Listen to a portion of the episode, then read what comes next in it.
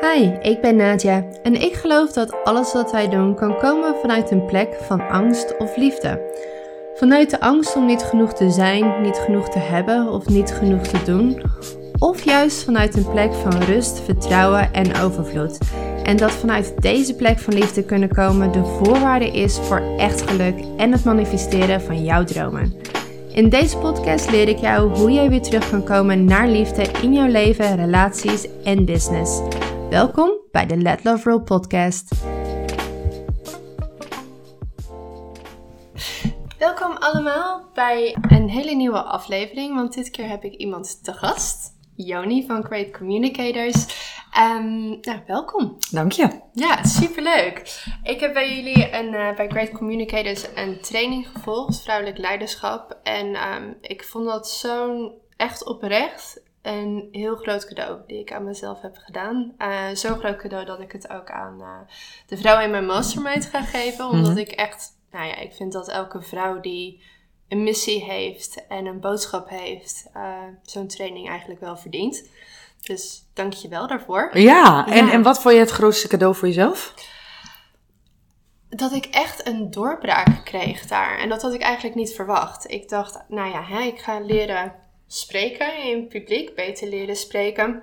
En ik had nooit verwacht dat op het moment dat ik op die stip ging staan, dat ik zou veranderen. Um, omdat ik natuurlijk best wel veel werk doe aan mezelf. En dit is mijn werk, letterlijk. Het, mm -hmm. het inner work gedeelte. Dus ik dacht, nou ja, ik ben zo comfortabel met mezelf. En ik ben zo uh, goed in mijn authentieke zelf zijn. Ik ga daar gewoon staan zonder lagen om me heen. En het is een klein groepje, daar draai ik mijn hand niet voor om. En ik deed dat en ik kreeg feedback. En toen dacht ik, wat? en toen dacht ik, oh, ze hebben nog gelijk ook. Er kwam mm. een hele uh, laag over mij heen van, hoe zou ik het noemen? Het, de, de entertainer. Ja, het, ja, ja. het charmante, de, de glimlach, de bewegingjes. Eigenlijk een, een onbewuste identiteit waarvan ik weet dat die gewaardeerd ja. wordt. Sociaal wenselijk. Sociaal ja. wenselijk, zeker voor een vrouw. Ja. Maar eigenlijk helemaal niet wie ik ben en hoe ik over wilde komen. Want mijn feedback was jij heel klein, heel schattig. En toen dacht ik, sorry, klein en schattig. Uh, dus dat was echt zo'n uh, eye-opener. Ja. Echt, um, echt heel bijzonder. Zeker ook hoe jullie werken met de interventies. Dat je gaat staan en ja, een interventie krijgt. En eigenlijk ter plekke ook door die laag heen kan gaan breken. Ja. Klinkt ja. voor mensen soms wel een beetje heftig een interventie, maar wat we daarmee bedoelen.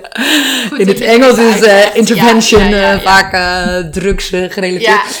Nee, dat je dan dus eigenlijk voor een groep staat en dat je um, een oefening krijgt. En waar we wat dieper op jouw uitdagingen ingaan.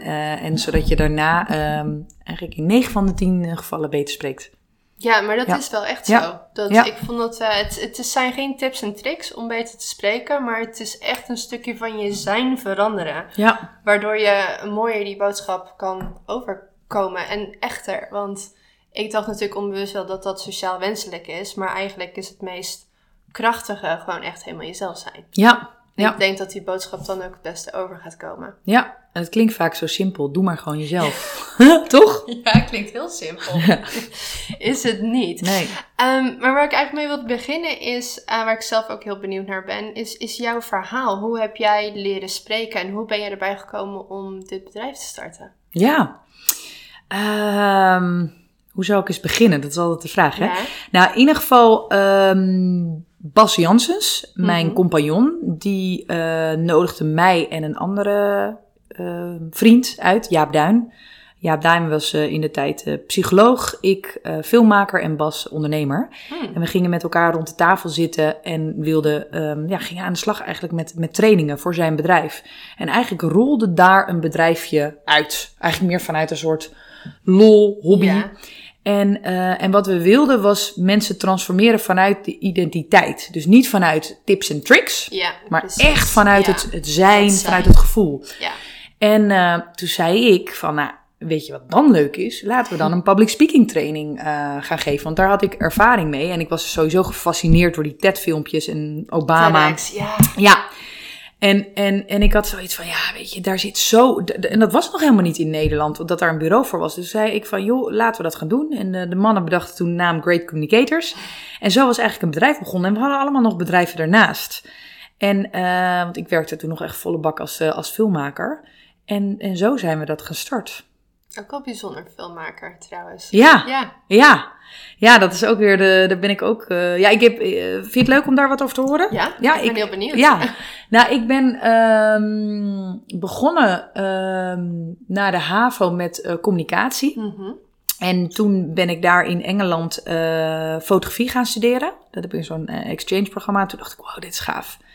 En toen na mijn studie wat gaan werken en toch weer uh, naar school gegaan. Uh, toen ben ik naar de UvA gegaan, naar filmwetenschappen gaan doen. Mm -hmm. En dat is best wel een theoretische studie. Uh, maar toen dacht ik wel, dat film, dat spreekt me wel erg aan. En toen ben ik er eigenlijk een beetje ingebluft bij een bedrijf. Ik heb gezegd, joh, ik, ik ben filmmaker en ik kan voor jou een tak opzetten binnen jouw... ja, zo was ik. Ik was echt... echt fantastisch. Heel erg. echt gewoon, ik weet nog wel, bij de eerste opdracht ging ik googelen, goede cameraman. Terwijl ik al had gezegd dat ik dat kon. Maar uiteindelijk, uh, hij weet dat inmiddels. Die, uh, die uh, oh. dus, zeg maar, dat is, nou, hoe lang zo geleden? Het is alweer de... Je kan het nu gewoon op de podcast zeggen. Ja, ja precies. Ja, ja, zo lang is het geleden. En, en toen ben ik filmpjes gaan maken in het bedrijfsleven. Heb ik veel bestuurders geïnterviewd. Die bijvoorbeeld hun boodschap over de hele wereld wilden verkondigen. Veel politici. Hmm. Um, en ook ja, interne documentaires gemaakt. En, uh, en zo heel veel geleerd over het filmvak. Tot ik op een gegeven moment op het Nederlands Filmfestival stond. Uh, met een opdrachtfilm die wij toen uh, waren genomineerd. En toen mocht ik een speech houden. En toen stond ik daar. En toen dacht ik, ja, is dit het nou? Is dit nou, mm. is dit nou echt wat ik wil? Ik was toen denk ik 26. En toen dacht ik, ja. En toen dacht ik, nee. Dus ik voelde me eigenlijk een soort verwend nest. Van, want ik voelde van, mijn weg is toch anders. Ja. Ik kon niet zeggen, want dat was al mijn grote droom, om, om op zo'n festival te staan. Had je. Ja. ja. En, en, en, en dat kwam helemaal uit. En toen dacht ik, ja, maar wat is het dan? Weet je? Maar ja, zo gaat die zoektocht dan verder. En ik denk dat die altijd blijft. Ja. Blijft ontwikkelen. Blijft ontwikkelen. Als je op een gegeven moment denkt, nou, dit is het. Ja, maar er is nooit een eindpunt natuurlijk. Nee, nee, nee, je blijft je ook ontwikkelen. En, en ook nu nog heb ik ook nog andere dromen weer. Dat ik denk, nou, misschien dit of dat. En ik vind dat ook fijn. En ik, ik, ik hoef ook niet af te zijn. Ook. Ja. Dat, dat je jezelf toestemming geven dat je niet één purpose mag hebben en dat moet het zijn, dat het altijd blijft ontwikkelen. Ja, nou ik denk dat die purpose wel redelijk hetzelfde blijft, maar de, hoe je er ja, handen en voeten aan geeft en wat je dan doet en uh, hoe je dat doet. Kan in heel veel vormen. Ja. Absoluut. En wat ik me dus um, ook bij jou afvroeg, want je praat natuurlijk makkelijk nu, maar natuurlijk ook naar heel veel ervaring. Um, hoe heb jij leren spreken en wat was een van jouw ja, moeilijkste ervaringen? Wat was een van jouw ervaringen dat je echt dacht: oh mijn god, oh mijn god, hoe, hoe ga ik dit doen? Ja, nou, um, ik, ik denk dat ik helemaal niet een goede spreker was. Ik kom wel een beetje uit een, uit een familie waar makkelijke moppen getapt worden en een beetje van die storytellers en. Uh, beetje wat Amsterdamse en, uh, en uh, Zandvoortse familie, die kunnen altijd wel goed, uh, goed kletsen. Dus dat was wel met de paplepel um, ingegoten. Um, maar ik had eigenlijk best wel een angst voor spreken. En dat is eigenlijk opgebouwd op de middelbare school. Um, ik was niet zo goed in Engels. of ik had daar een beetje een soort angst voor. En als je dan een fout maakt op school, ja. dan deden ze dat. Ja. En op een gegeven moment ging ik stotteren. Oh, wow. Ja, en daar ben ik ook naar Engeland gegaan, omdat ik dacht, nou dan kom, kom ik van die angst af. Maar ik stotterde dus een beetje en um, nou, ik vond het dus heel spannend om voor groepen te spreken. Um, en ik weet nog een ervaring, toen uh, was ik een jaar of 18 op de HBO-opleiding en toen ging ik een verhaal houden. En uh, ik weet nog dat mijn vader in de zaal zat, mijn moeder in de zaal. En was een, een jongen Surinaamse jongen, een soort MC. En die kon dat allemaal goed aan elkaar mm -hmm. kletsen. En ik was echt, zat naar hem te kijken. Ik denk, jeetje, wat een, ik was 17 denk ik. En hij zei, ja, dan ga jij als tweede, ga ik als eerst. En toen uh, bedacht hij eventjes in zijn MC-improvisatie dat ik dus wel eerst mocht. Oh, oh, top. En toen ging ik eerst en toen stond ik voor die zaal. En ik zag alleen maar dat licht en het was zo'n theater. En ik zag alleen maar licht en ik zag een beetje... En ik zag wel nog ergens mijn vader zo op die tribune zitten. En ik kwam niet meer uit mijn woorden. En toen zag ik mijn vader zo zijn handen zo naar zijn gezicht oh, gaan. Oh, ik... En ik dacht dus dat hij dat deed uit schaamte. Ik dacht dus echt, hij schaamt zich zo voor mij. En nou ja, toen klapte ik helemaal dicht. En toen heb ik die jongen, Roberto heette die, ehm, het woord gegeven. dat is echt zo erg. En toen zeiden mensen, ja, misschien moet jij dit niet meer doen. Moet jij gewoon niet op een podium gaan staan. En toen dacht ik, ja, ze hebben ook wel gelijk. En ik kan dat ook niet. En dat is, heeft zich eigenlijk een aantal keer herhaald. Dat soort faalacties, wat je natuurlijk super heftig vindt ik denk dat dat voor veel mensen een van hun ergste angsten is. Op dat podium staan en, en freezen en niks meer eruit nee. krijgen. Nee, nee, en dat is me dus meer een keer, een keer En nu heb je great communicators. Ja, nou bizar toch? Ja. en dus dat stotteren en dus een enorme angst. Ik weet ook nog wel later ook in mijn carrière. Toen werkte ik als filmmaker voor dat bedrijf waar ik dus die filmtak op, op uh, had opgezet. En toen ging ik een stukje vertellen. Want ik had dus inhoudelijk, wist ik echt superveel. En ik kon ook best wel goed trainen. En dat ik mm. wist ook wel hoe ik dat moest opzetten en zo. Maar dan overviel me dus een angst. Dan heb ik ook een keertje voor 100 man stond ik. En toen klapte ik ook dicht. En toen heb ik het ook een beetje zo, ja, ik weet niet meer hoe ik het heb opgelost, maar het was ook dramatisch. En toen zat er een vriend in de zaal en die zei, het was echt zo slecht. Oh, en ik denk dat je dit niet meer moet doen. Dus elke keer heb ik dat toen gehad. Bevestigd gekregen. Ja, ja. Bevestigd gekregen. En uh, ja, je, je vraagt je nu ook af natuurlijk van waarom, waarom, waarom doe je dat dan? En ik denk dat ik op een gegeven moment, toen besefte ik, toen, daar kunnen mensen misschien ook wat aan hebben. Ik, ik switchte toen van, wat is nou echt belangrijk? Ben ik nou belangrijk of is die boodschap belangrijk? Hmm. En toen ik inzag dat ik gewoon niet voor, belangrijk ben in dit oh, verhaal, maar dat die boodschap belangrijk is, dat was een mega transformatie. Want toen, vanaf dat moment, had ik gewoon geen angst meer. En kon ik gewoon echt mezelf zijn voor die groep. En het hilarisch is, ik word dus nu echt gezien als een hele goede spreker. En dat vind ik zelf nog steeds heel grappig. Dat ik denk, nou ja, weet je, ik heb altijd nog van, val ik nog een keer een beetje dat imposter syndroom. Jij denkt af en toe hoe, hoe je moest ja. Ja, terwijl, terwijl dat is op een gegeven moment, en dat weet ik nu ook wel inmiddels, weet je, na, na, na tien jaar dit, eh, dit uh, in ieder geval Great Communications te hebben, en was daarvoor ook, werd het al wel beter. Uh, maar ja, dat, ja, ik heb dus echt heel veel angst gehad. Ja, en dat is ook waarom ik public speaking zo boeiend vind en waarom ik ook deze, uh, je graag op deze podcast wilde hebben. Het, is natuurlijk, het gaat natuurlijk over liefde, over angst kiezen. Ja. En ik denk dat vanuit liefde dat er heel veel vrouwen graag hun boodschap naar buiten willen brengen. En bijvoorbeeld een podcast willen starten of op een podium willen staan. Of echt inderdaad de wens om die message eruit te krijgen. Mhm. Maar dat er zo'n angst is om, om te gaan staan, om te beginnen, om te spreken. En het is mooi dat jij dat zegt, want inderdaad een van mijn grootste transformaties qua spreken is inderdaad geweest... Het gaat niet om mij. Nee. En ik, ik zeg dus altijd zelf um, een, een prayer voordat ik uh, iets moet gaan doen wat ik eng vind. Als het, als het gaat om spreken, bijvoorbeeld over een event, zeg ik echt een prayer over it's not about me. Het, het, maakt niet uit wat mensen van mij vinden, of ze mijn haar stom vinden, of um, wat voor oordeel ze over mij hebben. Het gaat om de mensen die voor mij zitten en de impact die ik op ze maak. En dat, het, het is alsof je van het stukje in je hoofd en in die angst en in dat ego zit, de shift naar dat hart en die liefde en echt daar staat waarvoor je daar moet staan. Ja, en dat, dat is denk ik zo'n mooie weg die je kunt gaan met public speaking. Dus dat is de bijvangst, is de persoonlijke groei. Want mensen zien het vaak echt als een soort skillset en dat is het ook. Maar op het moment dat je met public speaking aan de slag gaat, worden je angsten belicht. Eigenlijk komt er een soort exposure. Ja. En alle dingetjes die er nog zitten, Eigenlijk is het een soort cadeau, die komen naar boven. En bij de een veel minder dan bij de ander. Want sommige mensen zeggen, nou, ik, ik voel een beetje dit of dat. En sommige mensen die, die gaan echt uh, alle angsten door. Ja, maar ik heb dat tijdens die training gezien. Dat ik dacht, wow, dit is gewoon een hele hele transformatie ja. waar mensen doorheen gaan. Ja, voor heel veel mensen. En aan ons dus de, de, de manier te zoeken dat het veilig is en ook leuk is. Dus wij zijn helemaal niet een soort therapeutisch bedrijf, maar we gaan gewoon app en een beetje de diepte in en dan weer eruit. En, en zo eigenlijk in stapjes ga je daar doorheen. Maar het is echt een soort, wij noemen het ook wel snelkookpan of een, of een vergrootglas op je angsten die eruit komen. En, en nog steeds, hè? Dus nog steeds, voor, ik spreek heel veel voor groepen als ik soms weer wat spannends ga doen, dan merk ik dat het weer opvlamt. En dan is er wat er op dat moment aanwezig in mij is. En het kan zijn van, ehm, nou ja, wie ben ik om hier te staan? Tot uh, mijn haar zit niet goed, tot uh, ik weet er te weinig van af, weet je. En het maakt niet uit of het waar is, uh, maar dat leeft dan in jou en dat blokkeert je dan. En ik, ik had het daar al met jou hiervoor over dat ehm, public speaking in de top 5 van de angsten staat voor mensen. Ik denk dat bijna iedereen wel tot op een zekere hoogte een angst heeft om voor een groot publiek te gaan, gaan praten of voor een klein publiek. Waar denk je dat die angst vandaan komt? Ja, ehm, nou kijk, ik, ik denk of weet ook, mensen zijn uh, groepsdieren.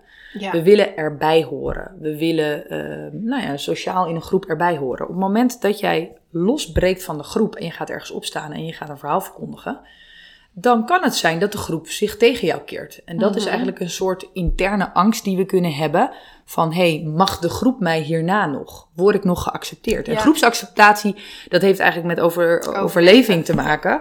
Want op het moment uh, dat dat niet zo is, nou dan, dan, dus onze voorouders hebben dat allemaal heel slim gedaan. Die zijn niet te eigenwijs geweest, dan waren ze al lang dood geweest, snap je? Dus dus dat is heel belangrijk, dat we dus ons conformeren aan die groep. En aan de andere kant willen we ook, zeg maar, als je het goed doet, word je juist heel erg gewaardeerd door de groep. Want dan word je als een leider geprezen. Dus het risico is gewoon groter. Heel groot, ja. Als je staat voor een groep. En aan de andere kant, ik denk dat dit intern gebeurt bij mensen. En aan de andere kant merk ik ook wel in de praktijk juist de, de, uh, dat je het gaat proberen, dat je het gaat doen. Dat vinden mensen vaak ook wel heel bewonderingswaardig. Van, nou, je gaat er wel staan. Je staat er maar. Je staat er maar. Dus um, ik denk uh, juist dat het heel goed is om juist dingen uit te proberen, ook al is het nog niet perfect wel goed voor te bereiden. Daar ben ik altijd voor, voorstander van. Ja. Eventueel een opleiding te volgen. Maar ook gewoon goed je verhaal te onderzoeken. En als je er wil staan, ga gewoon, begin gewoon klein. En ga gewoon eens een keertje met een bruiloftspeechje. Ja. Ga gewoon een pitch houden bij je bedrijf. Gewoon stapjes maken als je die weg uh, op hoeft. En ik, daarbij wil ik ook nog zeggen, niet iedereen hoeft dit te doen. Want voor niet iedereen is dit weg. Ja, klopt helemaal. Ja, daar ben ik het inderdaad ook wel heel erg mee eens. En ik denk dat het dus ook een soort van de angst is om veroordeeld te worden. Ja. Dus als je daar staat en al die, al die ogen die dan op jou gericht zijn, uh, dat, mensen, dat je denkt, wat zullen die mensen van mij ja. denken? Wat, wat is het oordeel naar mij toe? Ja. Um, en dat vroeg me ook af, denk je dat het ook heel erg te maken heeft, want dat is de, de link die ik zelf heb gemaakt, met wat de relatie met jezelf is. Want ik merk hoe meer jij oké bent met jezelf, hoe minder het uitmaakt dat andere mensen vooroordeel voor jou hebben. Sterker nog, het heeft ook een, um, een uitwerking. Op het moment dat jij er relaxed staat en ontspannen staat, wordt je publiek ook relaxed. Op het moment dat jij heel erg een oordeel hebt van, oh, wat zullen ze wel niet van me denken, of zelfs een oordeel hebt over je publiek, gaat dat spiegelen. Ja. Ja. Dus ik heb mensen gezien die uh, bijvoorbeeld uh, op, uh, zeg maar in 2000, in 2000, die hadden heel veel issues en dingen en werden ze dus veel meer veroordeeld door het publiek. En later hadden ze die niet meer en werkt het veel relaxter. Dus het is ook een soort spiegel. Dus op het moment dat jij ontspant, gaat het publiek ook ontspannen naar jou kijken. Dus je hebt daar ook echt iets in voor te gaan. invloed op. Ja, en echt invloed op. Ja, dat geloof ik helemaal. Want ik geloof überhaupt dat de, je, de, je wereld binnen jou en de wereld buiten jou is gewoon altijd een spiegel van elkaar. Zeker met mensen. Ja. Um, maar wat er vaak gebeurt, en dat vond ik ook wel interessant. Ik heb, um, als ik spreek en ik kijk dat publiek in, dan heb je natuurlijk altijd reacties. Ja. dus je ziet het liefst dat ze met grote ogen naar je kijken en naar je glimlachen. Maar soms, um, zeker dingen die ik zeg, dat kan nog wel eens triggering zijn. Um, kan iets raken bij mensen die ze liever niet willen horen, bijvoorbeeld. Dus het kan wel eens zijn dat ik iemand krijg met een groot panzer, met armen over elkaar heen en een opgetrokken wenkbrauw. Of je ziet mensen bijvoorbeeld tegen elkaar praten, of je ziet iemand gapen.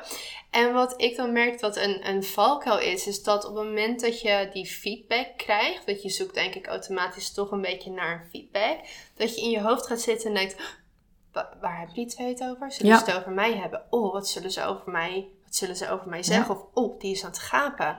Oh, is het misschien saai wat ik zeg? En dat gebeurt dus op het moment dat je daar dus al staat en aan het spreken bent. Ja. Heb, jij, heb jij daar een beetje guidance voor? Ja, ja wat je ziet um, is dat mensen hier vaak last van hebben. Dus er, zijn, er gebeuren dingen in het publiek. Mhm. En de spreker gaat dat interpreteren. Ja. Dus iemand kijkt op zijn telefoon. Oh, uh, hij of zij is niet geïnteresseerd. Iemand praat met een ander. Oh, er wordt geroddeld over mij. Ja. Iemand trekt een wenkbrauw op. Oh, ze vinden het niet leuk. Dus het is heel interessant om naar die interpretatie te kijken van jou. Ja. En um, jij noemde in het voorgesprekje, zei je van, nou, ik vind het altijd heel erg als iemand gaapt. en, en, en, en, maar wat is jouw interpretatie? Ja, het is inderdaad dat het uh, boring is. Ja. Ja, terwijl de grap is dat ik zelf dus heel makkelijk gaap als ik lang zit. Ja. ja. En, en, maar wat vaak het geval is bij gapen, is dat iemand werkelijk ontspant en iets loslaat. Ja. Dus misschien is dat juist een compliment als dat gebeurt tijdens je presentatie. Of komt iemand echt even tot zichzelf. En dit is eventjes een klein voorbeeldje, maar er gebeurt zoveel in het publiek. En eh, er zit ruimte tussen van wat gebeurt er en hoe interpreteer jij dat? Hmm. En ik heb er daar een leuk voorbeeld van. Ehm, ik moest een keer een presentatie gaan geven, was iets heel belangrijks. En ik was ziek. Dus mijn collega Jaap kwam mij ophalen thuis met, met griep. Ehm, de auto in, uh, paracetamol en ik ging presenteren. Dus ik voelde me wat kwetsbaarder. En er zat een vrouw in de zaal en ik wist dat zij belangrijk was. En zij zat met haar armen over elkaar en een beetje zo'n boze blik naar mij te kijken. En daarbij schudde ze haar hoofd af en toe van oh. zo'n van zo'n nee-houding. Nou, en ik werd op een gegeven moment, eerst dacht ik, nou, ik ga er lief aankijken. Daarna dacht ik, ik isoleer er, ik negeer er, ik weet niet van wat. Ik heb van alles geprobeerd en ik, nou, ik was echt diep ongelukkig, diep ongelukkig. En toen dacht ik toch, Joni, ga er naartoe in de pauze, want, want dit wordt alleen maar erger. Ja. Dus ik ben erheen gegaan en toen zei ik, joh, ehm, ja, hoe, vind je het? Of wat, wat, wat is je ervaring uh, bij deze middag? En toen keek ze me nog steeds hoofdschuddend aan en boos. En toen zei ze, ik vind het fantastisch. Met zo'n boze blik en zo'n hoofdschud. En ik keek haar aan. En toen zei ik, nou... Dus ik moest heel hard lachen. Toen zei ik, weet je, zei ik, ben je nou sarcastisch? Ze zei, nee, ik ben bloedserieus. En toen zei ik, je zit zo boos te kijken. Ze zei, oh ja, is dat zo? Nee joh, ik zit gewoon meer te denken hoe wij het fout doen in onze organisatie. Oh, wow. Dus zij zat gewoon met haar eigen denkproces zich te irriteren. Ze zei, ik ben geïrriteerd, maar meer aan hoe wij het fout doen. En zei, ik vind het fantastisch, ik wil een samenwerking. En tot oh, de dag van vandaag heb ik een samenwerking. Dat is, ik denk dat dit tien jaar geleden is. Een samenwerking met dat bedrijf. En ik heb haar inmiddels, uh, nou, uh, bevriend met haar. Um, maar, maar zo kun je je dus vergissen. Dus ja. checken is soms ook handig. En doordat ik dat dus een aantal keer heb gecheckt, heb ik nu het vertrouwen dat als mensen heel moeilijk kijken, dat het waarschijnlijk iets gebeurt bij hun. Dus ik probeer het gewoon niet persoonlijk, te nemen. Ja. En juist hoe vaker ik heb gecheckt, hé, hey, wat gebeurt er nou bij mij, bij jou? Dat die persoon zei, ja, weet je, ik merk dat ik daar en daar tegenaan loop. Dat had eigenlijk in 9 van de 10 gevallen niet met mij te maken. En als het wel met mij had te maken, wilde ik het ook weten. Want dan kon ik er nog een draai aan geven. Ja, dus checken, maar ook niet persoonlijk nemen. En ook te checken, wat is jouw interpretatie? Vaak de een is heel gevoelig voor gapen, de ander is heel gevoelig voor mm. telefoons, de volgende is daar gevoelig voor. Weet je, waar ben je gevoelig voor? Dat te weten geeft al bewustzijn. Klopt, helemaal. En ik denk misschien ook wel een stukje oké zijn met dat mensen oordelen. Want ja. dat, dat doen we ja. heel de dag. Ja. En op het moment dat je daar oké mee bent en weet, ik doe het, ik doe het, we doen het allemaal.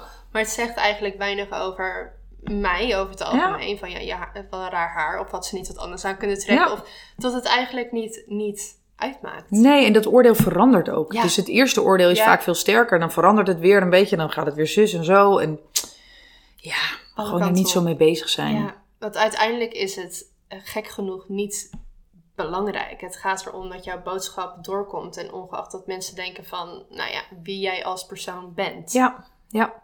Ik heb, waar ik heel veel ook aan heb gehad, is de, um, uh, de TED-talk van Elizabeth Gilbert. Zij is van Eat, Pray, Love. En zij heeft een, een TED-talk die heet iets met genius in de titel. Ik weet even de complete titel niet. Over creativiteit? Ja. Ja, ik heb haar boek gelezen, inderdaad, ja. erover. Ja, en dat gaat over uh, genius. En zij zegt eigenlijk, het gaat erom dat we elke keer ons best doen. En de ene keer is het briljant en de andere keer is het gewoon wat we doen. En op het mm. moment dat we blijven streven naar die perfectie, wat heel veel vrouwen doen, hè, uh, gaan we het juist niet aan. Maar juist gewoon een poging wagen en het doen en gewoon je best doen. En de ene keer was, dat zegt zij dan, was de genius with you, weet je. En dan werd het een soort van wow effect en de andere keer niet. Maar zorg dat je, you show up, weet je. Doe je ding. En gewoon, en, en, en één keertje is het wow en de andere keer niet. En dan is het gewoon goed. Ik heb heel van dat boek gehad wat zij zei. Zij heeft natuurlijk die... Is dat dat Big Magic of zoiets? Ja, Big Magic. En ja. zij heeft natuurlijk die gigantische bestseller uh, Eat, Pray, Love geschreven. Dat is natuurlijk absurd hoe groot dat boek is geworden. En zij zei toen inderdaad, jij, jij, jij doet je werk inderdaad met de genius, hoe zij dat dan noemt. En je, je zet het de wereld in. En wat er dan vervolgens mee gebeurt, is not up to you. Dus zij zei van, ik heb mensen die op dat boek reageren. Het is het meest vreselijke boek die ik ooit heb gelezen. En ze zegt, en ik heb mensen die zeggen, het heeft mijn leven veranderd. Ja. En het is hetzelfde boek. Dat vond ik zo interessant en helpend ook, dat ja, het daarna niet meer up to you is. Ja, nee, dat klopt, dat klopt. En um, dat, dat uh, vind ik ook super interessant, want ik kijk best wel veel presentaties en TEDx en noem het maar op. En bij de ene persoon, nou kan ik niet stoppen met luisteren, kan ik gewoon echt binge-watchen, zeg maar. en bij de ander kan ik heel slecht mijn aandacht erbij houden. Ik heb echt gewoon na één minuut, dan ben ik eigenlijk met totaal iets anders bezig. Wat is dan, denk jij, uh, vaak de factor dat iemand echt je binnen kan halen en je aandacht vast kan houden, of dat iemand heel makkelijk de aandacht verliest? Ja, ik denk dat het met verschillende facetten te maken heeft. Dus als je kijkt zeg maar, op skillniveau, dan verhalen werken gewoon goed. Ja. Zoals iemand een mooi verhaal vertelt, dan, dan hengel je iemand uh, meer binnen. binnen. Ja. Dus er zijn storytelling technieken die vaak beter werken. Mm. Maar op het moment, uh, als je eigenlijk soms zie ik iemand die hetzelfde verhaal vertelt. En de een raakt wel en de ander raakt niet. Dan denk je, hoe kan dit? Weet je, want dit is gewoon hetzelfde verhaal. Ja. En dan ligt het, wij noemen dat dan presence. En presence mm. heeft veel meer op een soort energetisch vlak te maken. Dus op het moment dat, uh, een voorbeeldje om het even plat te slaan. Op het moment dat ik hier een verhaal hou en ik ben ondertussen, ben ik over allerlei dingen aan het nadenken. Dus intern denk ik, wie ben ik hier om te staan? Ik denk ook, oh ja shit, straks moet ik nog uh, extra luiers kopen voor thuis. moet ik ook echt, denk ik nu. En, en allemaal, uh, en, en ondertussen denk ik, oh er zit hier iemand op rij 3, die kijkt eigenlijk niet. Um, uh, dan denk ik ook nog, oh ja, er was ook nog iets met mijn compagnon wat ik moest oplossen. En er zijn allemaal mm. dingen die ik eigenlijk in mijn hoofd heb ruis op de lijn. Ja. En die ruis op de lijn, zeker mensen die wat gevoeliger zijn, voelen die ruis. Ja. Dus die voelen dat er ander er niet helemaal is. Dus er zit een soort van, als ik het in een beeld, een beetje een soort wolligheid omheen. En dan mm. komt dat verhaal niet binnen. Dus hoe meer present de spreker is, hoe mhm. Makkelijker eigenlijk die boodschap bij de ander binnenkomt. Dus op het moment dat ik relaxed ben, in mijn kracht sta, dan gebeurt dat ook bij de luisteraar. Dus eigenlijk als jij echt een connectie met jezelf kan maken op dat moment, kan je ook de connectie maken met je publiek. Nou, dat vind ik, uh, vind ik slim dat je dat eruit haalt. want dat is het hele eieren eten. Mensen zijn vaak heel erg bezig om connectie te maken met het publiek, connectie te maken met de ander. Maar het hmm. begint bij jezelf. Maak connectie met jezelf, zodat je in connectie kunt komen met de ander. Dus ik zie het ook niet zo dat je connectie gaat maken met de ander. Ik hmm. zie het als volgt. Je maakt connectie met jezelf en je stroomt eigenlijk over. En daarin maak je connectie met de ander. Mooi, want wat je niet hebt, kan je niet geven. Nee. Nee, ja, dat vind ik echt, ja. En ik denk dat het inderdaad echt een energetisch iets is. Of iemand er staat zonder al die lagen en zonder inderdaad in, in dat hoofd te zitten. Ja. Of dat iemand echt um, vanuit het hart spreekt. Ja. Dat, dat maakt echt, echt een groot verschil. Um, en wat ik bij mezelf merk, en ik denk dat wat je vaak bij jezelf merkt, dat merken heel veel mensen, um, dat we allemaal een beetje van dezelfde dingetjes last hebben. Is dat op het moment dat je iets groots hebt, dus ik heb bijvoorbeeld een event die eraan komt. En voordat dat event komt, hè, de tijd die, die, die blijft dan doortikken. En dan denk je, oh, dat event dat komt steeds dichterbij. Oh ja, dat komt steeds dichterbij. Dat er dan van die ideeën in je hoofd eigenlijk al opkomen over, um, over dat event. Ik heb dus bijvoorbeeld dat er een gedachte boven komt die zegt: Jij staat er dadelijk. En dan, uh, dan heb je in één keer niks te vertellen. Nou, ik, ik, ik doe dit werk echt al zeven jaar. Maak me bij jou niet zo zorgen om. Ik zou letterlijk een week lang, denk ik, gewoon door kunnen praten. Dus ik weet rationeel dat ik, ik gewoon zo makkelijk kan praten. En dan blijkt, komt het stemmetje af die zegt: En je staat er dadelijk. Ja, en wat moet je dan tegen die mensen gaan zeggen? Mhm. En ik vind het zo intens bijzonder dat ik het ook kan observeren. Dat ik denk: Maar dat klopt helemaal niet met, met de realiteit. Dus ik denk dat het misschien ook heel belangrijk is om, om je uh, persoonlijk inderdaad in je zijn goed voor te bereiden op, op een event of op als je moet gaan spreken. Heb jij daar is er iets wat jij doet voordat je gaat spreken om er echt te staan? Ja, nou kijk, dat kan je eigenlijk uit verschillende, um, eigenlijk in verschillende delen zien. Ik bereid me altijd heel goed inhoudelijk voor. Mhm. Dus ehm, nou, wat jij vertelde over dat event, dat ga je volgens mij in je eentje doen, hè? Ja. ja dan weet ik wel van, dan, blok ik, dan, dan deel ik dat in blokken van wat ik dan ongeveer wil doen. Ook als ik ga improviseren of ook als ik heel veel van het publiek laat afhangen, dan, dan denk ik dat wel helemaal door. Ehm, en daarnaast weet ik gewoon dat het heel belangrijk is om heel goed in contact te zijn met mijn lichaam. Ja. Dus op het moment, uh, ik doe je hebt dus zeg maar je ehm, fysieke voorbereiding. Dus daarmee bedoel ik eigenlijk wat je dus eigenlijk allemaal gaat voorbereiden inhoudelijk. Maar je hebt ook zeg maar je emotioneel uh, mentale voorbereiding. Ja. En dat is bijvoorbeeld dat ik een dag daarvoor dan bijvoorbeeld niet zoveel doe. Of dat ik uh, nog even ga sporten. Of dat ik die ochtend ga visualiseren hoe ik daar sta. nou, en zo heb ik allerlei soorten tools uh, maar de belangrijkste is eigenlijk dat ik goed in mijn lijf zit. Want op het moment dat ik meer in mijn hoofd zit, dan Hmm. kan er meer stress bij komen. En dan uh, uiteindelijk kan je dan echt helemaal dissociëren. Misschien heeft iemand dat wel eens meegemaakt dat, die, dat je ergens spreekt en dat je daarna denkt: wat heb ik nou eigenlijk gezegd? Herken je dat? Ja, ja, Ja, ik ken dat. Dan ja. dissocieer je echt. Ja. Dan ben je echt een beetje uit je lijf. Uit je dus je lijf, moet ervoor zorgen dat je echt goed gegrond bent. Goed je lijf voelt. Ademhaling laag. En dan kan je eigenlijk niet zoveel gebeuren. Dan kan je ook niet, maak je ook veel minder kans op een blackout. Ik ga dan ratelen, inderdaad. Ik, dat deed ik vroeger. Dissociëren. Ja. En gewoon... Ja. Ja. Oké, doei. Ja, want dat voel je ook niet. Dus ratelen komt Ja. omdat je niet voelt... hey, ontvangt die persoon het? Ja. Want als je ratelt, brrr, dan ben je er eigenlijk niet echt. Dus op het moment dat je echt iemand aankijkt... dan ga je ook niet ratelen. Want dan denk je, ja, dit komt niet helemaal aan. Nee, ja, precies. Dus ik zou, zeg maar in het geval bij, bij jouw event... ehm, zou ik gaan visualiseren nu. Dus gaan Mhm. visualiseren, hoe sta je daar? Hoe voel je je? Eh, wat wil je bereiken met je Ja. publiek? Weet, je, weet je, die dingen? Intentie. En echt. dan ja, en, en maar ook echt voorstellen in je hoofd. Dus het heel concreet maken. Dus hoe ziet de ruimte eruit? Hoe voel je je kleding? eh, het effect van het publiek. En ik zou zorgen dat je heel goed in je lijf zit. En daar heeft iedereen weer andere manieren ja, voor. absoluut. Ja, mooi. Ik denk soms zelfs bijna dat het belangrijker is hoe je je energetisch voor hebt bereid dan dat je alles hebt uitgeschreven of alles Ja. tot in de puntjes. Want het, het komt er altijd wel beter uit, naar mijn idee, als je gewoon echt praat, dan dat je iets uit je hoofd leert. Of heel erg strak een, een tekst voor je hebt. Ja, het hangt er een beetje van af. Kijk, jij gaat waarschijnlijk een hele dag spreken. Ja. Ja, dan is het bijna niet te doen Nee. om dat eh, natuurlijk Nee. voor te bereiden. En Nee. je hebt ook wel wat ervaring. Maar als je kijkt bijvoorbeeld naar een TED-talk, dat is Ja. 10 minuten, dan wordt dat wel altijd gescript. Dat wordt ja, wel dat snap ik uitgeschreven. inderdaad. Omdat die mensen bijvoorbeeld 17 jaar onderzoek hebben gedaan naar een bepaald eh, stuk. En die willen dat dan wel in 10 minuten. Moet alles erin zitten. En dan kan je niet eventjes eh ingetuned gaan staan en dat eventjes gaan zeggen. Dus dat Ja. het is ook een beetje van wa- waarvoor is het? En welke ehm, weg kies je dan? Dus als ik met een wetenschapper zit, dan is dat anders dan dat ik met een trainer zit over persoonlijke ontwikkeling. Hoe die zich Ja. voorbereiden. Ja, oké, volledig.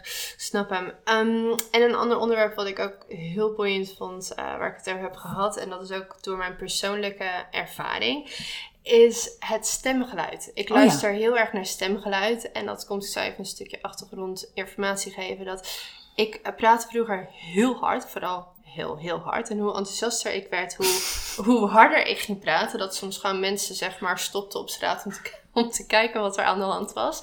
En mijn stem was heel nasaal. En ik kreeg heel vaak feedback terug van mensen dat ze mijn stem maar echt bloedirritant vonden. Ik ben zelfs een keer ontslagen op een, eh, bij een zomerbaantje, was ik receptioniste. En die man die ontsloeg mij die zei, ja sorry, maar we kunnen echt niet naar jouw stem luisteren. Het is zo hard en het gaat door merg en been heen en het is zo nasaal. En dat vormt natuurlijk ook een geloofsovertuiging. Van oké, mijn, mijn stem mag eigenlijk niet gehoord worden. Mensen Mm. vinden mijn stem vervelend. Zeker als je het van veel mensen hoort. Dus toen ik ehm, zelf heel veel werk aan mezelf had gedaan en dit werk begon, dacht ik wel, oh jee. Hoe moet dat dan? Want hoe moet ik nou meditaties gaan begeleiden? En hoe, hoe, hoe als mensen eigenlijk mijn stem niet willen horen? Toen dacht ik, nou ja, ik, ik ga het maar gewoon doen. Heel ironisch dat ik nu een podcastkanaal heb. Ja. Een beetje hetzelfde verhaal als jij. Ja. Ehm, en dat ik toen de feedback kreeg van, goh, we vinden je stem zo prettig. Ik luister zo graag naar je stem. En ik toen, dacht natuurlijk bij mezelf toen, wat? Oké, bijzonder. En daar ben ik heel erg over na gaan denken van hoe kan dat en hoe komt dat? En ik geloof dat inderdaad als er intern wat verandert, dat je stem ook echt mee verandert. En ik kan me voorstellen dat dat zeker tijdens public speaking ook echt een, een factor is. Ja. ja, wij werken veel met stem. En uh, jouw verhaal, wat je nu vertelt, heb ik vaker gehoord. Uh, ook andersom, dat iemand bijvoorbeeld uh, twintig jaar geleden iets heftigs heeft meegemaakt en bijvoorbeeld vanaf die tijd schor was. Ja. Dus na een trauma. Uh, je hoort soms ook als iemand stress heeft, kan dat ook echt op de stem slaan.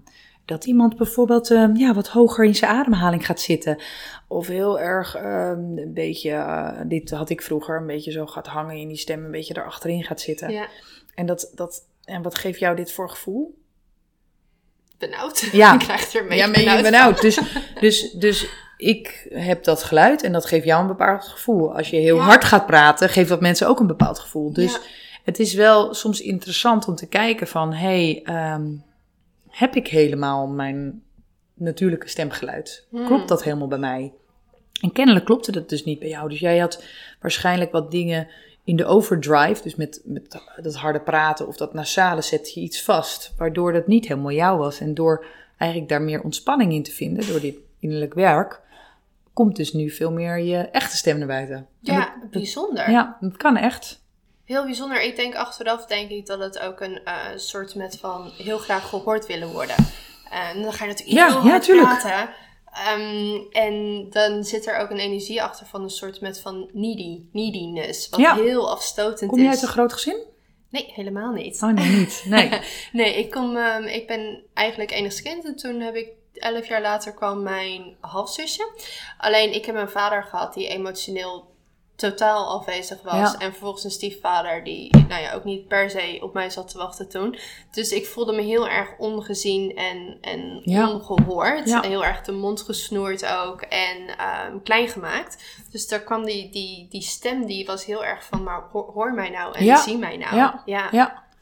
Ja, je ziet het vaak in, eh, dus door de gezinssituatie, dat, dat dus zo'n stem zich eh, op een bepaalde manier eh, ont, eh, ontwikkelt. Of kinderen die eh, jarenlang schor zijn en nog steeds zijn bijvoorbeeld. Dus dat is heel interessant. En je ziet vaak ook dat, eh, nou je hoort het vaak ook bijvoorbeeld dat mensen gemediteerd hebben, dat ze een hele andere stem hebben. Ja, Dat klopt. die veel rustiger is. Maar je kan dus, dat, dat ben ik ook wel door de jaren achtergekomen, je kan echt iets met je stem. Dus ook voor mensen die een hele zachte stem hebben of Mm. juist een hele nasale stem. Wij hebben bij ons een stemcoach werken en die werkt ook echt aan dat soort stemproblematiek. Ja, heel interessant vind ik dat. Ehm, en ik denk dat het ook een grote, want ik had die stem altijd, maar ik denk dat dat uitvergroot wordt op het moment dat je voor een publiek staat, natuurlijk. Ja, want dan komen die onzekerheden Ja. natuurlijk ook Ja. meer naar boven. Ehm, en, en een ander ding wat ik super boeiend vind als het gaat over public speaking, en daarom vind ik het ook zo tof dat jullie de opleiding vrouwelijk leiderschap hebben, Ja, is dat ik merk, ik werk zelf voornamelijk veel met vrouwen, dat wij vrouwen ons toch geneigd zijn om ons kleiner te houden, wat meer bescheiden te zijn, vooral niet te veel ruimte in te nemen. En toch zie je dan inderdaad ook terug dat er minder vrouwen echt op het podium staan Ja. en dat mannen makkelijker ja, op het podium gaan staan. ja. Waar denk jij dat dat vandaan komt? Denk je dat het ook een sociale conditionering is? Ik denk dat eh, mannen sowieso ehm, ja, wel makkelijker dat dan aan gaan pakken. Maar ook, eh, laat ik het zo zeggen, als een vrouw tegen mij zegt ik heb een goed verhaal. En een man zegt ik heb een goed verhaal. Dan weet ik dat het verhaal van die vrouw beter vaak is. En dat een Ja. man minder is voorbereid. Ja. Dat klinkt echt heel slecht. En ik, ik werk met superveel mannen. Maar mannen zijn gewoon vaak wat makkelijker. Dat, dat helpt ze vaak ook. Die zeggen, Ja. ah joh, ik doe het wel even. En die Ja. gaan er gewoon staan. Dus die hebben in dat opzicht vaak wel wat meer lef. Hm. Vrouwen willen zich dan helemaal tot in de puntjes voorbereid hebben. En die zeggen pas, het is nu pas een goed verhaal als het echt al honderdduizend keer hebben doordacht. Dus vrouwen moeten Ja. vaak een beetje pushen van, joh, dit is echt wel goed gewoon. genoeg. Ja.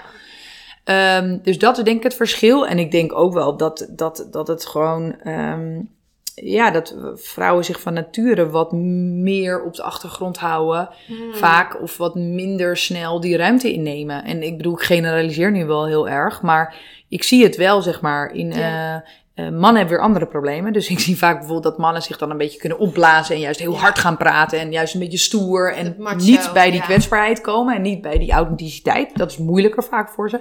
En bij die vrouwen denk ik, nou ga er maar wat meer staan. Ja, en ik, dat merkte ik tijdens de training bij jullie. Echt dat thema ruimte innemen. Ja. Dat, uh, dat heel veel vrouwen toch moeite hebben om echt daarin... Dat heb ik dus ook een beetje, want hiervoor deed ik events met andere mensen. En nu doe ik het in mijn eentje. En nu denk ik in één keer... Oh, dus dan is heel dat, heel dat podium voor mij. Dat is, oh, dat is, wel, ja, dat is wel heel veel ruimte. Dat je dat dus toch merkt dat je denkt, goh, mag, ik denk dat het bijna een beetje toestemming vragen is aan, ja, wie dan ook, eigenlijk jezelf natuurlijk. Ja. Van, mag ik wel al die ruimte um, innemen en wie ben ik eigenlijk om daar te gaan staan? Ja. Ja, ja, ja, ja, dat hoor ik vaak. ja, en hoe denk jij dat wij, tenminste, er is natuurlijk ook niet één tip of truc voor, maar hoe denk je dat we die kloof een beetje kunnen overbruggen? Ja, ga nu een alarm af. kan gebeuren. um, hoe kunnen we, dus tussen mannen en vrouwen? Ja, die, die hun verhaal vertellen en echt het podium pakken. Ik denk dat dat gewoon, um, dat je dat niet in één klap zo kan veranderen. Ik, ik, ik, ik, ik, zie er wel in de laatste jaren dat echt wel heel anders. Dus uh, ik had het wel eens met Terx Amsterdam over van hoe is het nou nu makkelijker uh, geworden de afgelopen tien jaar om vrouwen te krijgen dan man, mannen. Dan zeggen ze ja, dat is echt een bizar groot verschil hoeveel makkelijker dat gaat. Ja. Vrouwen zeiden ook vaker dingen af en nu zijn er veel meer vrouwen die er echt gaan staan en zich makkelijker ook aanbieden. Ja. Dus dat, dat is al uh, wat er een beetje gebeurt. En ik denk dat. Um, ja, ik bijvoorbeeld in, in, in opleiding, want wij hebben dus vrouwelijk leiderschap, die opleiding, maar we hebben ook uh, Spreken met Impact en uh, ja. de Powercore Spreken met Impact. En daar zie je dus mannen en vrouwen. En ik zie daar eigenlijk niet zo heel veel verschil. Op een gegeven moment na een dag valt dat verschil ook weg. Um, maar ik denk wel dat, dat, dat er een hele grote verantwoordelijkheid ligt bij organisatoren om gewoon voldoende aanbod uh, te geven ja. voor zowel mannen als vrouwen. En niet mannen alleen maar de technische kant laten doen en vrouwen de gezellige kant, maar ook echt inhoudelijk te kijken dat je uh, dat zo belegt dat niet alleen maar de mannen de visies geven en de vrouwen de leuke voorbeelden, maar dat je dus echt op elke positie, zeg maar, in een, in een line-up mannen en vrouwen uh, aanbiedt. En dat die er echt zijn. Want als ik kijk naar mijn praktijk, dan komen hier. Ja, uh, vroeger had ik echt veel meer mannen. Hm. Dus uh, in coaching. En nu is dat ja, heel divers. Dus ik denk gewoon dat dat veel meer ligt bij de verantwoordelijkheid bij, bij de persoon die zo'n event aanbiedt. Denk jij dat um, als je een line-up hebt met mannen en vrouwen, natuurlijk ook afhankelijk van het publiek en het bedrijf en waarvoor je er zit, maar dat in, in de maatschappij waar we nu in leven, dat mannen nog steeds meer gehoord worden. Of dat mannen onbewust nog steeds serieuzer genomen worden. Om een voorbeeld te geven, ik heb die ervaring zelf net vaker gehad. Zeker vroeger, want ik nam, nou, door die spiegel, ik nam mezelf minder serieus. Dus nemen ja. mensen je ook minder ja. serieus. Maar als blond meisje dat ik eigenlijk heel snel in dat hoekje werd geduwd van... oh, wat een leuk blond ja. poppetje. En maakt niet uit dat er uit mijn mond kwam. Dat deed er eigenlijk niet meer zo vaak zoveel toe. Mm -hmm. Dat daar uh, onbewust nog steeds een beetje een verschil in zit. Dat wij vrouwen meer moeten vechten om, om, om gehoord te worden. Mm. Ja, ik vind het altijd... Dit is natuurlijk een hele grote discussie altijd ja. die er is. En daar word ik ook vaak over gevraagd. Um, ik denk dat we juist moeten stoppen met vechten. Ja. Ik denk dat we moeten ontspannen. En uh, weet je wat het is? Ik heb zelf, en misschien heb ik een aantal voordelen gehad, ik weet het niet, maar ik heb er zelf weinig last van gehad. Hm. Ik weet wel dat ik vaak binnenkom. Laatst had ik ook weer een heel directieteam en ik ben natuurlijk ook blond. Ik ben helemaal niet zo jong meer, ik ben 37, maar ik word vaak wat jonger ingeschat. Hm. En dan kom ik binnen en dan zie ik eventjes die blikken van... gaat zij ons de hele dag leiden? Dat, ik zie het gebeuren. Maar ik lach dat dan een beetje weg en dit en dat. En denk ik, jongens, we gaan gewoon aan de slag. Huppatee, bam. En dan knal ik hem erin. En eigenlijk binnen vijf minuten voel ik dat ze dat ja. vergeten zijn. En ik heb misschien ook wel wat zekerheid mee. Ik heb mijn stem heel erg mee. Ik heb een, ja, een soort wel, wel van autoriteit mee. Maar ook wel opgebouwd ja. in, de, in de laatste jaren. Want dat had ik vroeger, uh, zeg maar 15 jaar geleden, ook veel minder. Dus ik heb ik denk dat ik altijd er gewoon wel stug ben doorgegaan. Dus ik heb er niet echt heel erg last van gehad. Ik heb zelfs wel gehad dat ik een streepje voor had op mijn mannelijke collega's, omdat ze vonden dat ik meer autoriteit had. Oh. Dus ik heb het juist, ik ken het juist wel ook wel andersom. Um, dus ik vind hem lastig om te beantwoorden. En als ik vrouwen heb die bij mij komen, die daarop gecoacht willen worden, dan merk ik vaak zelf dat zij allerlei aannamen hebben in hun hoofd mm. en zich daardoor anders gaan gedragen. En dan denk ik, joh, Ja. relax. Relax en ga het gewoon inhoudelijk aan. En je voelt even die weerstand, maar daarna... Uh, maar ook in, in elke wereld, hè, wetenschap, tech, dit en dat, dat heb ik ook wel de ervaring dat, uh, dat uh, het wel voor vrouwen misschien iets meer even volhouden dan is. Dat ze even door dat beeld heen moeten. Um, maar ik heb, er, ik, ja, ik heb er eigenlijk niet heel veel ervaring mee op de negatieve manier. Mooi, maar dat, dat vind ik ook wel heel interessant, omdat ik denk dat de een er wel heel veel ervaring mee heeft en de ja. ander niet. Ja. En wat is dan het verschil? En ik had er vroeger heel veel last van. Ja. En nu eigenlijk, nou, bijna nee. niet meer. Ik merk het eigenlijk niet meer. Dus ik denk dat het ook hoe jij zelf present kan zijn, jouw eigen presence en de overtuiging van jezelf dat jij daar gewoon mag staan, ondanks dat er misschien op het begin wat weerstand is, dat dat wel het verschil ja. maakt. En ik denk ook, het heeft heel erg met mijn eigen overtuiging te maken. Uh, ik denk niet zo in mannen en vrouwen. Ik denk Hmm. veel meer in mensen, in zielen. Ja. En uh, misschien, misschien, misschien komt het wel. Ik dacht, vroeger dachten mensen altijd dat ik een jongetje was. Dus, uh, en heel lang gedacht. Heel lang hebben mensen dat gedacht. En ik had gewoon iets jochiesachtig. En dan moest ik echt altijd zeggen dat ik, ik kreeg laat borsten en zo. En ik moest altijd zeggen dat ik een meisje was. Dus misschien heb ik wel die twee kanten een beetje. Ja, ik zie er natuurlijk nu echt heel vrouwelijk uit. Maar ik heb denk ik misschien die twee kanten gehad. Ja. En ik voel me, ik, ik vergeet het ook altijd. Dan denk Oké. ik, zegt iemand, oh zaten er veel mannen of vrouwen in de zaal? En dan denk ik, ja, weet ik eigenlijk niet meer. Geen idee. Ja. Ja, mooi eigenlijk. Ja, dus ik- dat dit die scheiding niet Ja, dus die, voelt. dat, en ik heb juist eigenlijk altijd heel erg, eh, ja, heel veel dankbaarheid in mijn carrière. Dat, dat heel veel mannen me naar voren hebben geschoven in mijn Mm. carrière. eh, Dat ik het mocht gaan doen. En eh, ja, had ik niet het idee dat het een nadeel was dat ik een vrouw was. Ook niet een voordeel. Maar super mooi, want ik denk dat dat toch wel de wereld is waar we eh, naartoe willen. Die, die 5D-wereld, wereld, so to speak. Dat we gewoon inderdaad allemaal zielen zijn. In plaats van die scheiding van jij bent man en ik ben vrouw. En Ja. dat is een verschil. En Ja. de een is meer en de ander is minder. Of Ja. er zit een strijd. Weet je waar ik denk dat het ook mee te maken heeft? Maar denk ik nu. Ik ben helemaal niet zo opgevoed. Ik ben Mm. echt opgevoed eh, met eh, eh, drie meiden en een, en een broertje. Mhm. Dus vier kids. En mijn vader, die heeft een flinke carrière. En die heeft altijd gezegd, weet je, we zijn gewoon allemaal gelijk. Jullie hebben allemaal gelijke rechten. Jullie hebben allemaal gelijke carrière. We hebben ook alles altijd... Mijn broertje kreeg... Mijn broertje en ik zaten dus dicht op elkaar. We kregen precies hetzelfde. Niet voorgetrokken of niet dat hij meer kansen had dan ik. Eh, Ja. Dus dat is me zo meegegeven. Ik kan me ook niet anders bedenken. Dus ik denk dat dat wereldbeeld heel erg erin is gedrukt. Ja. Ja, en als ik bij naar mezelf kijk, dan ik voelde me altijd heel erg, ehm, nou ja, inderdaad met die stem onderdrukt. Ja, Niet gehoord, niet gezien, niet serieus genomen. Door mannen, wat je net zei. Door eerst mijn vader en toen ook mijn stiefvader. En dat manifesteerde zich later natuurlijk ook in relaties. Dat ik relaties had met eh, vaak narcissisten waar ik heel erg onderdrukt werd. Dus ik heb heel erg die overtuiging toen Ja. gevormd van mannen onderdrukken vrouwen. Terwijl het gebeurt, maar het is natuurlijk één hele grote generalisatie. Ja. Dat, ehm, dus inderdaad, op het moment dat je dat gelooft, dan trek je dat natuurlijk ook wel weer aan. En zie je dat zo, of is dat je interpretatie sneller van bepaalde situaties? Nou, dat denk ik zeker. Want ik, ik- ben hier dan wel vrij van. Maar ik heb natuurlijk op andere dingen weer vervormingen. Zoals Mhm. Ja. we allemaal hebben. ja, absoluut. Maar ik denk eh, dat als we dit zo concluderen, dan hebben we dus veel te doen, zeg maar, als we kijken naar meisjes en jongens, dat we dat die net zo goed kunnen spreken op een podium Ja. als de jongens. En ik denk Ja. dat we daarin al in de opvoeding eh, en op scholen heel veel ja. kunnen doen, dat daar dat dat gelijk is. En ik denk op het moment dat we allemaal zo worden opgevoed, dat ook eh, de meisjes. eh eh, klasse oudste, of weet ik veel hoe dat allemaal heet. Maar dat je, dat je dus een, een rol kan hebben, een belangrijke rol kan hebben in de klas. Dat dat gewoon allemaal gelijk is. Ja, dan Ja. krijg je dat wereldbeeld al mee. Ja, absoluut. Dus ook wel mooi dat, dat we, we kunnen er wat aan doen. En zeker ook als moeder zijnde ehm, Ja. kan je dat ook weer meegeven.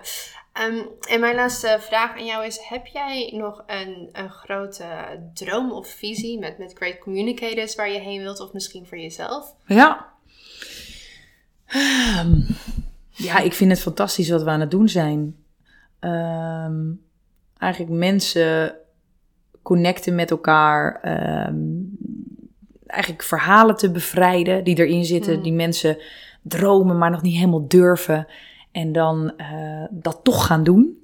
Feel the fear and do it anyway. Ja, En dat is ons grote motto natuurlijk. En ehm, kijk, dat motto blijft. En hoe we dat gaan invullen, of dat nou ehm, nu in de coronatijd hebben we dat ook online gedaan. En Mm. dat, eigenlijk zien we daar een hele mooie winst van. Dat, dat, dat we dat nog steeds blijven doen. Dus we hebben nu bijvoorbeeld ook een pitch eh, cyclus helemaal online lopen. Oh, We blijven ook live dingen doen. Ehm, ik vind het zelf wel ook heel gaaf om met, met groepen wat meer de diepte in te gaan, wat langere tijd. ja. Dus ik zit bijvoorbeeld nu weer in november.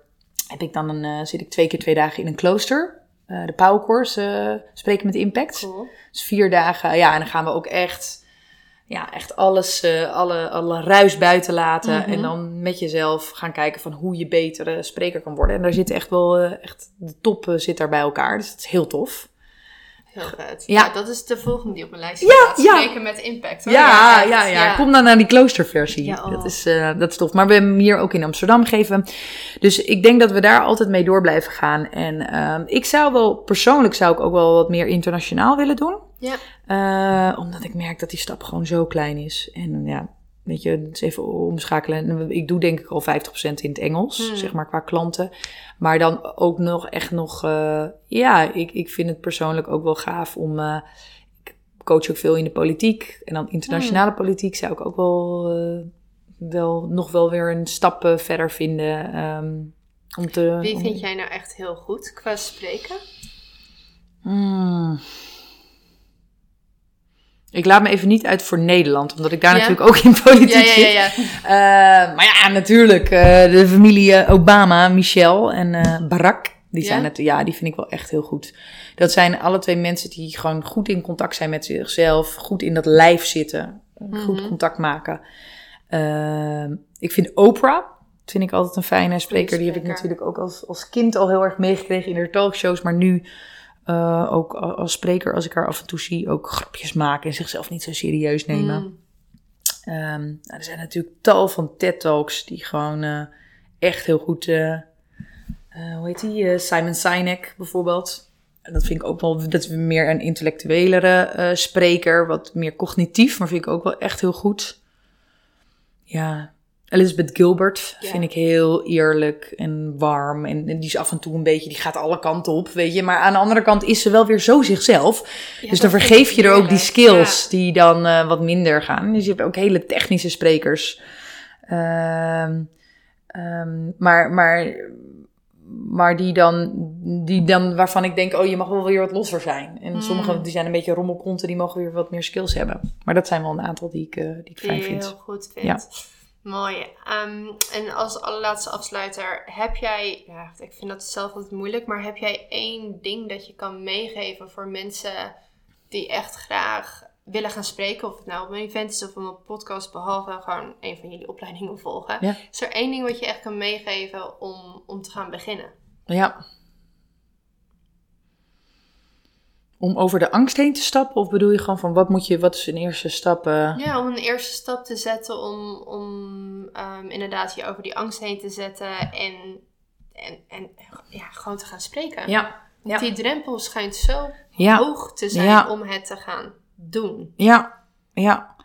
Ehm, nou ja, ja, ik ben echt een doener. Dus ik zeg Ja. altijd gewoon, creëer een mogelijkheid en ga gewoon staan. En, Ja. en- maar dat is dus vaak de, de- het lastigst voor mensen. probleem, Ja. Eh, maar begin met, eh, ik kan wel een aantal dingen ge- eh, aangeven. Van, ga met mensen erover in gesprek. Vertel wat je, wat je wil. Probeer het in één, één zin eh, samen te vatten. Mm. Van wat je dan wil dat het publiek gaat ervaren. Ehm, ik zit te denken wat misschien wel leuk is. Op onze website staat bij tools, ehm, staat of presentatie... Shit, hoe heet dat stuk? Kan je daar nog iets onder zetten bij je podcast? Of, ja, de- ik kan een linkje Ja, zetten. een linkje zetten, ja, fijn. linkje.